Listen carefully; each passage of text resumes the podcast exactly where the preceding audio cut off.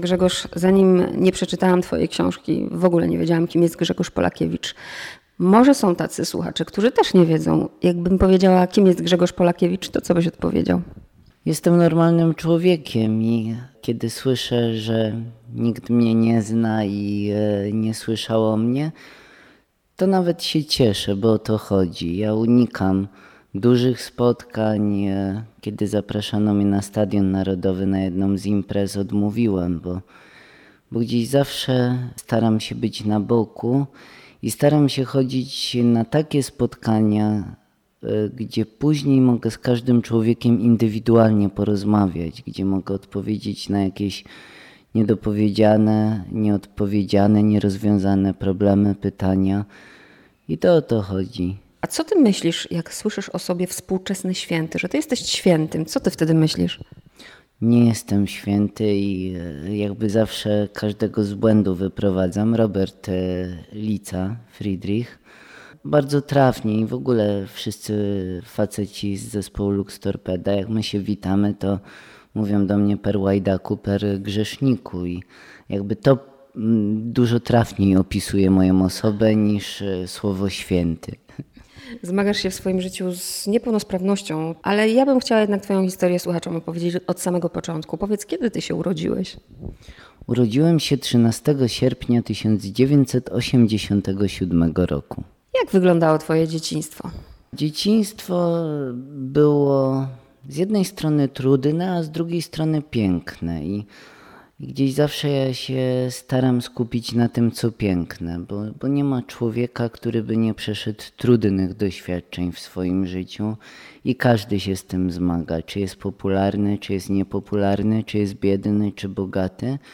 Każdy e, przeżywa jakieś trudności, jakieś bolączki. I tak samo ja nie jestem wyjątkiem. Te, też to dzieciństwo było z jednej strony trudne, bo tata był alkoholikiem, gdzieś e, doszło do tego, że próbował, miał taki zamysł odebrać mi, mojej mamie e, życie. A z drugiej strony wspominam na przykład dziadków z Gorlic, okres pobytu właśnie na wakacjach, na w każdych feriach u dziadków w Gorlicach, tamtejsze przyjaźnie, wygłupy, wszystkie szalone rzeczy, które żeśmy robili z e, dzieciakami z podwórka i ogromną też miłość moich dziadków do mnie i mojej mamy. E, I to jest to dobro, na którym ja się skupiam i na którym e, buduję.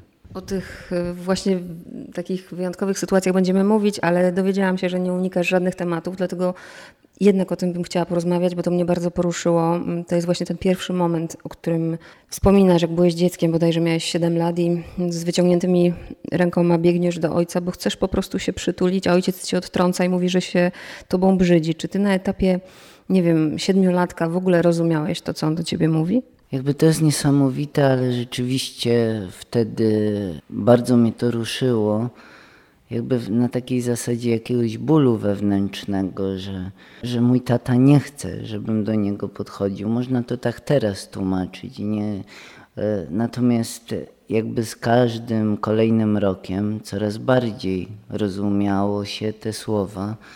Brzydzę się tobą. Jakby później w dorosłym życiu nawet e, były takie sytuacje, kiedy też gdzieś drugi człowiek odmawiał mi miłości na tej drodze. I to jest niesamowite, że wszystko e, wracało jakby do tego punktu. Do tego, kiedy e, tata powiedział, że się mną brzydzi. I ja teraz ilekroć się spotykam z moimi przyjaciółmi, którzy są rodzicami, to mówię im, żeby pamiętali zawsze, że jeżeli oni odmówią swoim e, dzieciom miłości, to te dzieci nie przestaną kochać ich, ale siebie. Punkt powiedziane.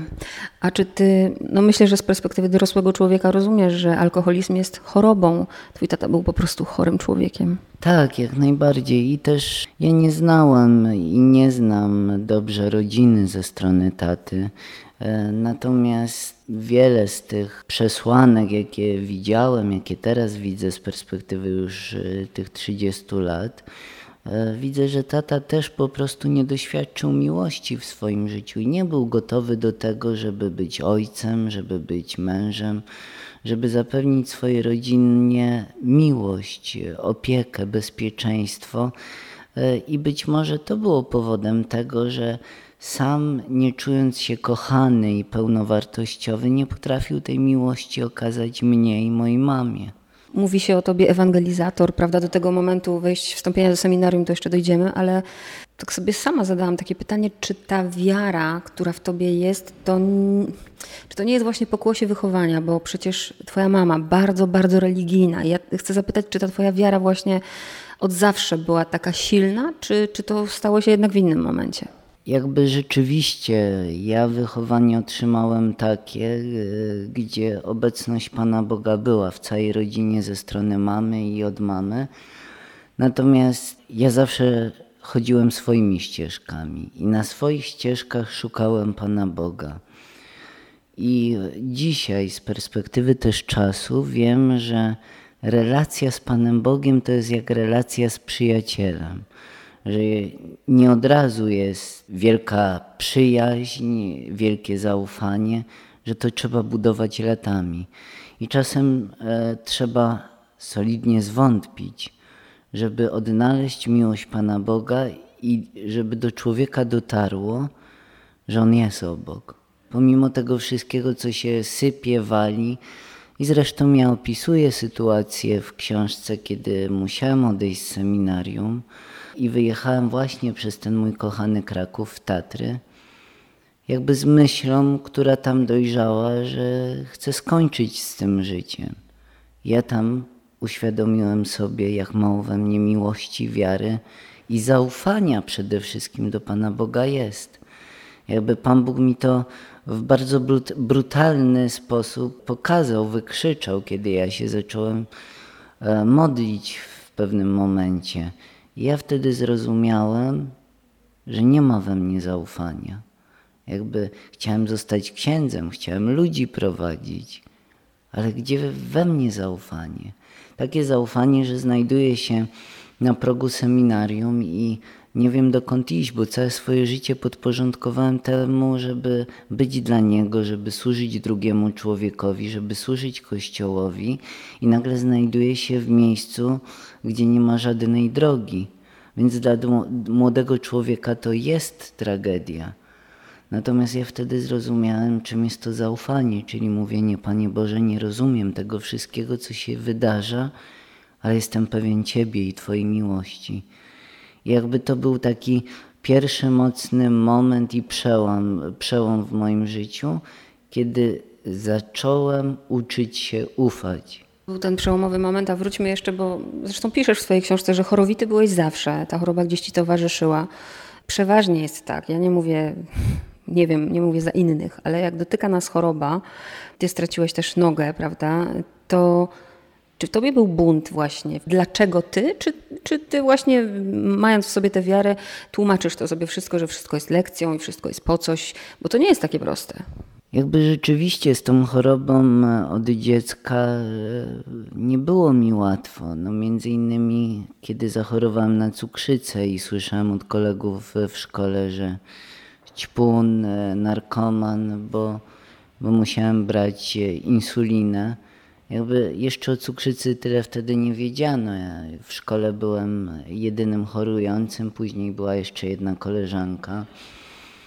Natomiast to bolało te reakcje ludzkie. Ale Pan Bóg gdzieś, jestem o tym głęboko przekonany, On mnie przygotowywał do tego, że może przyjść coś cięższego, takiego jak amputacja. I to, co jest ważne z perspektywy czasu, i to zrozumiałem stosunkowo niedawno, to jest y, ogromna pewność. To już nie jest wiara, to jest pewność, że Pan Bóg niczego w naszym życiu nie chce, co nas złego spotyka. Że nic złego nie pochodzi od e, Pana Boga. Pan Bóg jest miłością. E, a to, że spotykają nas odrzucenia, choroby, cierpienia, to wszystko jest wynik grzechu i naszych ludzkich podążań za tym, co złe. jakby to ludzie nam odmawiają miłości, a my wtedy mówimy, Panie Boże, dlaczego ta czy inna osoba mnie zostawiła. Jakby Pan Bóg mógłby to zmienić, ale czy wtedy nie zabierze wolnej woli, którą podarował człowiekowi? Więc ten najcenniejszy dar, który dostajemy od Pana Boga, czyli wolność, jest przez Pana Boga szanowana i to my siebie nawzajem ranimy i przez siebie nawzajem cierpimy.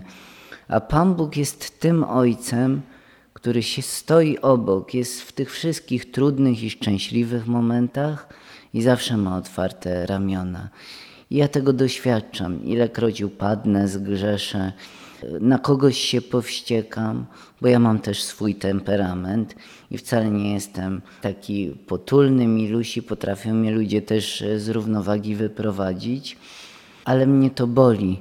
I wtedy wracam do, do Pana Boga przez sakrament pojednania, przez adorację. Jestem w kościele i wiem, że On tam czeka na mnie z otwartymi ramionami i On mnie nie osądza. I to też taka nasza ludzka cecha, że my bardzo łatwo osądzamy drugiego człowieka. Nie znamy historii jego życia, nie wiemy ile przeszedł, ile łez wylał. Łatwo nam powiedzieć, łatwo nam wydać osąd. A Pan Bóg? Pan Bóg zna nas w stu procentach i nas nie sądzi, a usprawiedliwia i chce być obok. I to też takie doświadczenie, które ja przeżyłem na rekolekcjach kilka lat temu w Częstochowie, kiedy przy jednym z tygodni rekolekcji ignacjańskich przerabiałem obraz Boga Ojca. Ja widziałem tego Pana Boga takiego surowego, takiego trochę karcącego, takiego jak mój tata. Dlaczego?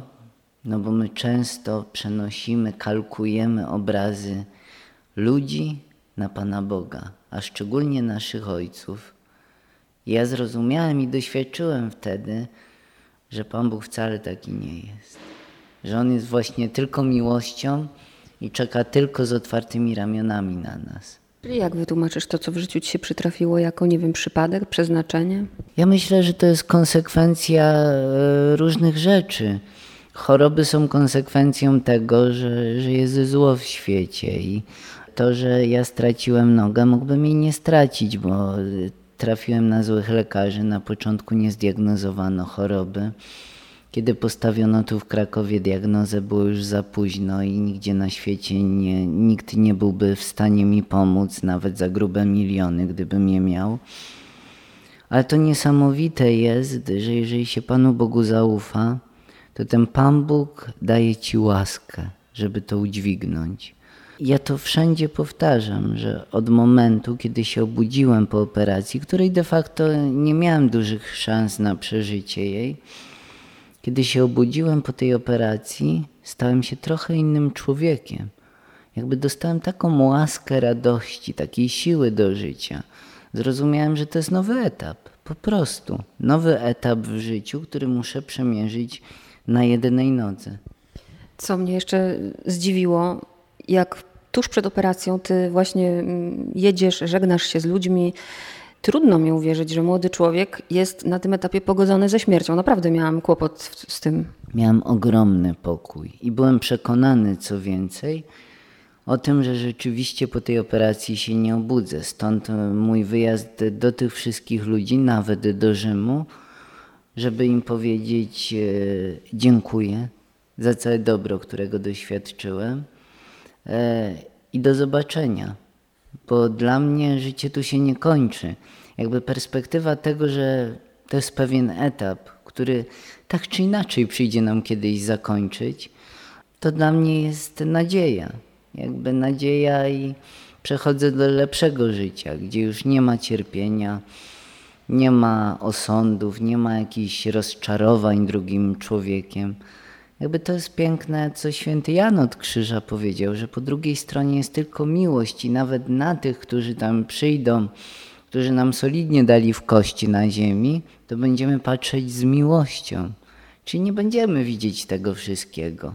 I ja teraz jakby choćby z relacji z tatą, to to, co jest dla mnie teraz najważniejsze, to to, żeby w końcu z nim się spotkać, uściskać go i powiedzieć mu tam, tato, kocham cię. A ten moment, w którym już dzisiaj powiedziałeś, że właśnie dzieci nie przestają kochać rodziców, jak rodzice ich ranią, tylko przestają kochać siebie.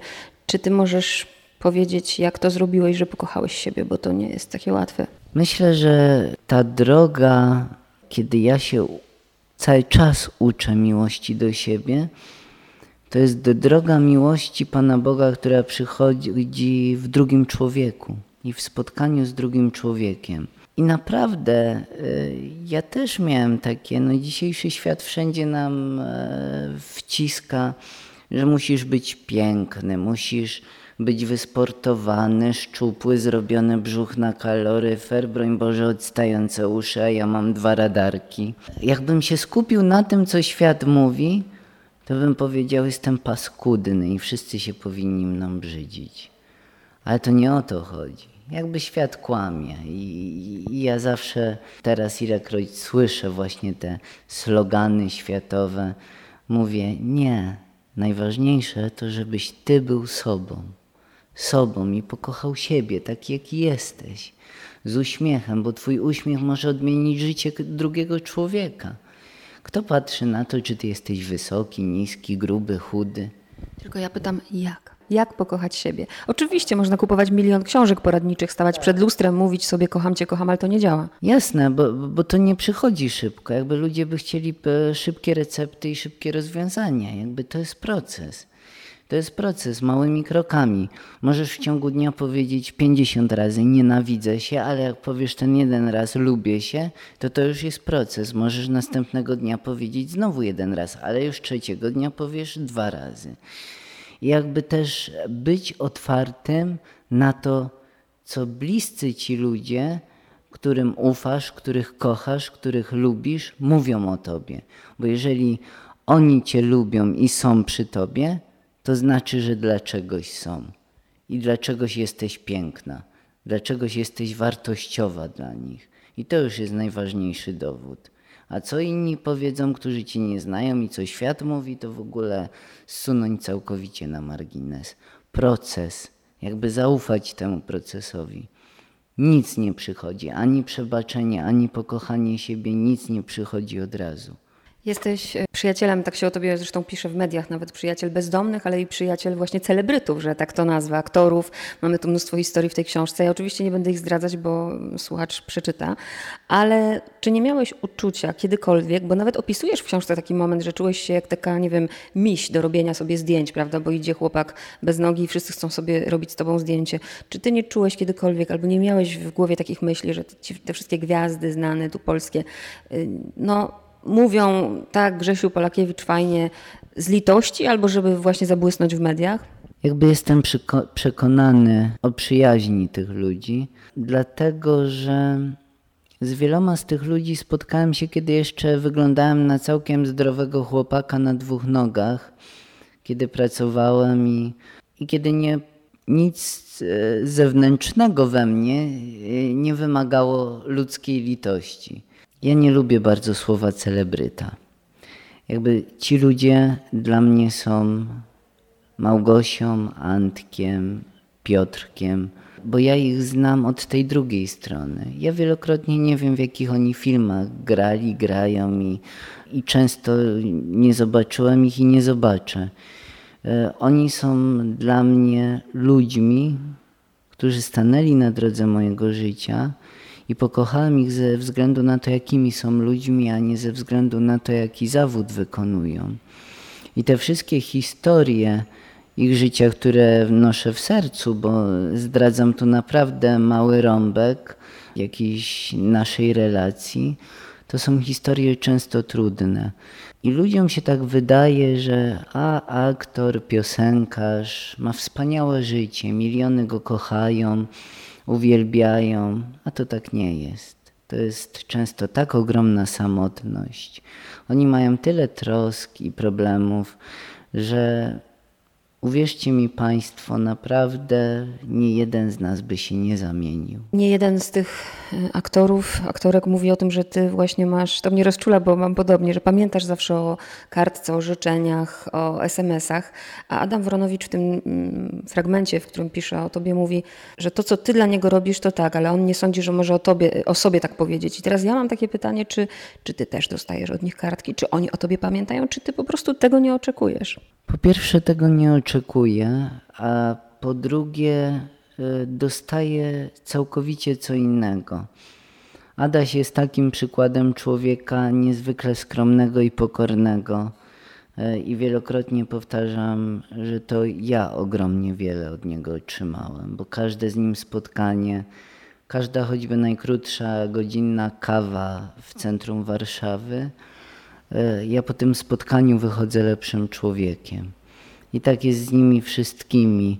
Ja się czasem śmieję do nich, żeby oni mnie tak nie stygmatyzowali, robili ze mnie jakiegoś wielkiego bohatera, bo dla mnie to jest normalne. Ja mówię i to, co od was otrzymuję, ten ogrom dobra, miłości, to, czego mogę się od was uczyć, choćby od Gosi Korzuchowskiej i jej męża, jej rodziny, jak widzę tą piękną rodzinę, jak widzę tą miłość, jak widzę tą walkę o czas, to jest niezwykła lekcja. Niezwykła lekcja tego, że można być zapracowanym, można robić dużo, można być popularnym aktorem w Polsce, a mimo tego można mieć priorytety takim, jakim jest rodzina.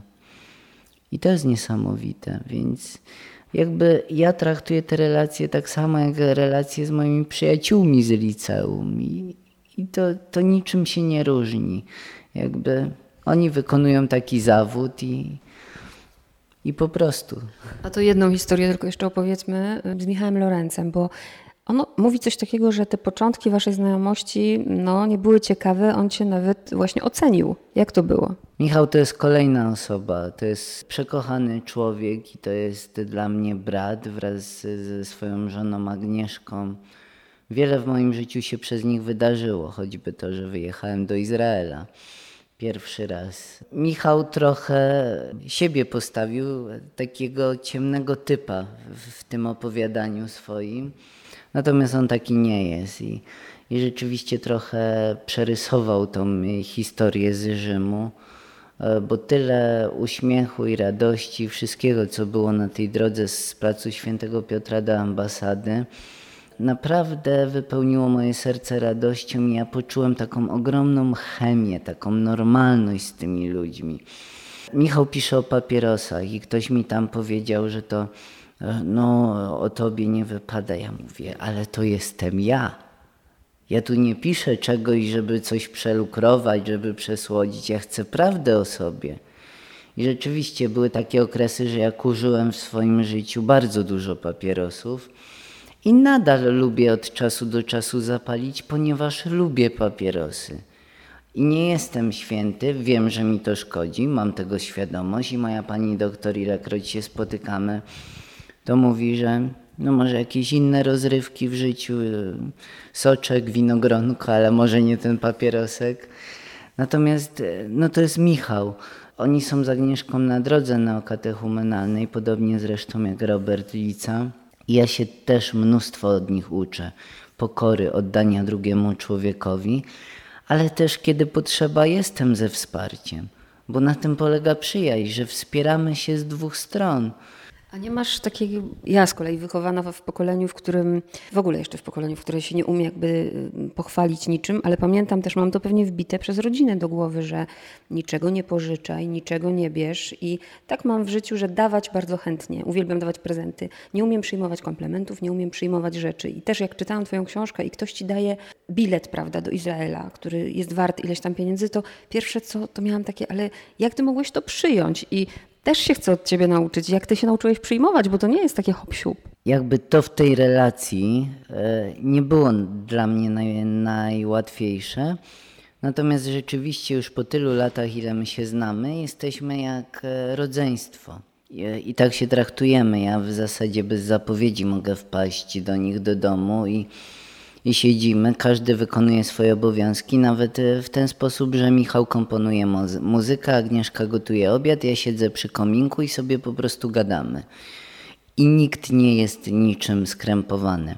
Więc e, jakby przyjąć e, mi bilet do Izraela nie było tak do końca łatwo, ale wiedziałem, że też z Michałem się nie dyskutuje na te tematy. Jak jest, to po prostu jest. Natomiast ja też mam z tym problem. Ja doskonale wiem, o czym ty mówisz, e, bo jak z kimś nie mam relacji, ktoś mi próbuje coś ofiarować, mam z tym problem i często mnie to wręcz paraliżuje. I biskup Grzegorz Ryś kiedyś mi powiedział, e, to tam a propos jednej sytuacji, w której też ktoś coś chciał mi ofiarować, powiedział mi bardzo krótko, ale dosadnie, powiedział trochę więcej pokory. Jesteś tak pyszny, że nie potrafisz dać drugiemu człowiekowi możliwości zrobienia czegoś dobrego. Rzeczywiście, ja tak nie dam. Ja tak zrobię, pójdę, pomogę. O, bo ja mogę. A czemu nie daję takiej możliwości drugiemu człowiekowi, żeby zrobił coś dobrego? No to jest pycha. Jakby biskup Grzegorz nazwał to w stu procentach celnie. I ja rzeczywiście po tym spotkaniu wtedy dość krótkim, bo to był może kwadrans w kurii przy Franciszkańskiej, jak był tu biskupem jeszcze pomocniczym w Krakowie, zacząłem się przy tych rzeczach pilnować. Jak ktoś chce coś mi ofiarować, to staram się to przyjąć, mimo że nie jest mi łatwo. I ty wiesz o czym mówię, skoro masz tak samo. Ty się spotykasz z takimi zarzutami właśnie, że napisałeś książkę o sobie, a masz dopiero tyle i tyle lat? Jakby gdzieś to się pojawia, ale raczej nie w formie zarzutu, tylko ciekawości, co chłopak 32-letni mógł o sobie napisać. I rzeczywiście, no nie oszukujmy się, ale taka była moja pierwsza re reakcja, kiedy wydawnictwo się do mnie zgłosiło w, pod osobą mojej przyjaciółki tutaj pracującej. E, I ja mówię, no ludzie, przecież no autobiografię, no to może Królowa Elżbieta albo Diego Maradona pisać, ale co ja mam do pisania? Więc Magda się tak popatrzyła i jakby uzasadniła mi, dlaczego. Było kilka wydawnictw, e, które wcześniej się zwracały do mnie z prośbą o napisanie tej książki i automatycznie odmawiałem. Jakby e, koniec tematu, krótka piłka. Więc dlaczego postanowiłem tą książkę napisać? I to znowu jest wina Magdy z wydawnictwa Znak, ponieważ Magda zostawiła mi przestrzeń wolności. Powiedziała: Przemódl to, przemyśl sobie, zostań z tym. Jak będziesz gotowy do odpowiedzi, to daj mi znać. Jakie ty masz oczekiwania w związku z tą książką? Chciałbyś, żeby ona trafiła do ludzi i żeby co? Ja powiedziałem, e, że dla mnie nie jest najważniejsze, ile egzemplarzy się sprzeda. Ja powiedziałem, że jeżeli trafi chociaż do jednego człowieka, któremu da nadzieję i pozwoli coś w życiu zmienić na lepsze, to dla mnie to już będzie największa nagroda. I dostałem taką wiadomość na blogu kilka dni temu od człowieka, który kupił ją na targach e, warszawskich i napisał mi, że w życiu jest niewierzącym, że nie kieruje się w życiu żadną religią. I napisał, dużo tam było tych zdań, natomiast na koniec napisał, ale dziękuję Ci, bo przekonałeś mnie tą książką. I zostawił trzy kropki. Nie wiem, do czego go przekonałem, ale y, zrozumiałem wtedy, że tak, dla Ciebie było warto to napisać. I choćby tylko dla tego jednego człowieka. Bardzo dziękuję. Dziękuję pięknie.